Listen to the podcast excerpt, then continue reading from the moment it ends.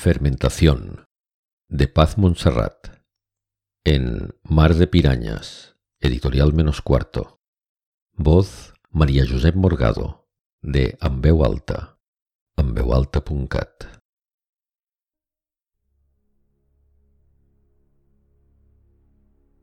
Abrieron la caja.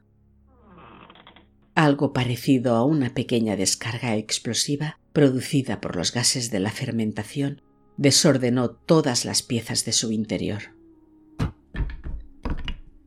Me asomé. Una vértebra había quedado al alcance de mi mano. Tentada estuve de cogerla, pero no atiné o no me atreví por miedo a ser descubierta. Me fascinó el hecho de que las medias, del mismo color que la tibia y el peroné que cubrían, estuvieran intactas.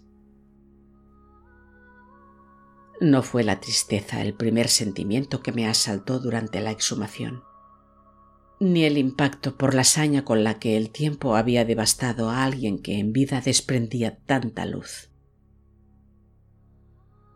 Lo primero que pensé fue que parecía imposible, o al menos sorprendente, que dentro de aquella pelvis hubiera estado yo junto con mi hermano mellizo. Mi cuerpo se encogió levemente como haciendo un amago de postura fetal para comprobarlo. Nadie se dio cuenta de mi gesto, ni del frío helador que de repente hacía en ese lugar.